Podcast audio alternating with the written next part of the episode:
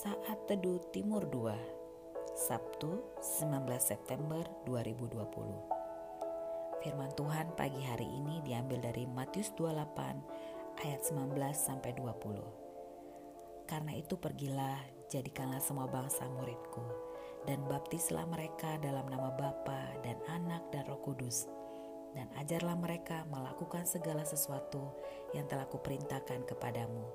Dan ketahuilah aku menyertai kamu senantiasa sampai kepada akhir zaman. Ayat di atas sering disebut sebagai amanat agung, amanat yang sangat penting yang diberikan Tuhan Yesus kepada murid-muridnya. Hal yang sudah Yesus lakukan dan dia memberikan teladan bagi mereka. Hal pertama yang Tuhan Yesus lakukan saat memulai pelayanannya adalah memilih murid-murid. Ada 12 orang murid yang dipilih dan dipanggil khusus di antara banyak orang yang mengikutinya, hanya 12 orang yang dididik dan diajari secara khusus. Jadi sepanjang perjalanan pelayanan Yesus, ia tidak saja mengajar dan melakukan berbagai mukjizat di depan banyak orang, namun ia juga mempersiapkan orang-orang khusus untuk melanjutkan pelayanannya yang luar biasa. Hari ini kita mau pelajari dua hal dari pemuritan yang Yesus lakukan. Yang pertama, Yesus tidak memilih murid-murid berdasarkan kualifikasi atau syarat tertentu, seperti ketika syarat penerimaan karyawan di suatu kantor atau instansi. Mereka bukan orang-orang terpelajar dan pandai. Mereka bukan juga orang-orang yang memiliki status ekonomi yang baik. Mereka orang-orang biasa yang tidak memiliki standar moral yang sempurna. Kita sebut saja Petrus, seorang yang temperamen dan dikenal besar mulut. Thomas, seorang yang tidak mudah percaya, apalagi Yudas.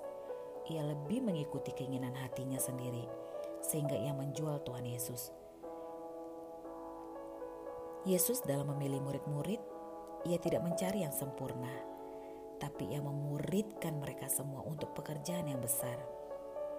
Bisa dibilang bahwa kedua belas murid tersebut mewakili kecenderungan kebanyakan manusia, dan Yesus mempersatukan mereka dan menjadikan mereka orang-orang yang dapat diandalkan untuk melanjutkan karya pelayanan dalam menjadikan semua bangsa murid Kristus.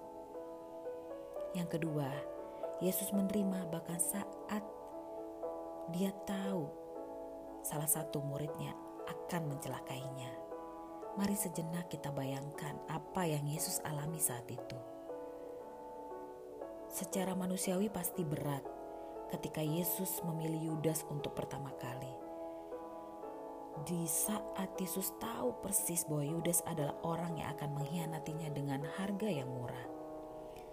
Namun setiap hari setelah itu, Yesus tetap konsisten untuk mengajar dan membentuk semua murid, termasuk Yudas. Ke mana pun Yesus pergi, ia tetap membawa Yudas. Kenyataan bahwa Yudas adalah pribadi yang sulit untuk dibentuk bahkan ditetapkan untuk binasa, tidak menghentikan Yesus untuk memanggil dan menjadikan Yudas bagian dari proses pemuritan yang ia lakukan. Yesus tetap setia menjadi guru yang baik terhadap Yudas.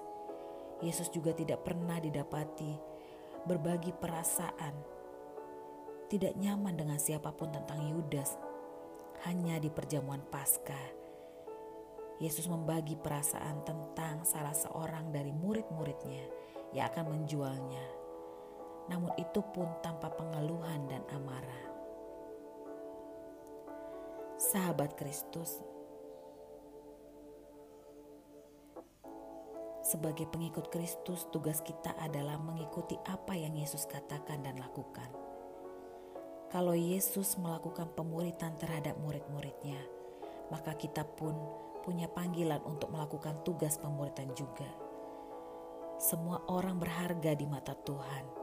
Karena itu, maka menerima kita, menerima semua orang sebagai bagian dari orang yang berharga dan layak untuk dikasihi dan dihargai adalah bagian yang penting untuk proses pemuritan. Selamat menikmati hari yang baru, saudara-saudaraku. Semangat memuridkan, dan Tuhan Yesus menyertai kita senantiasa sampai pada akhir zaman. Tuhan Yesus memberkati.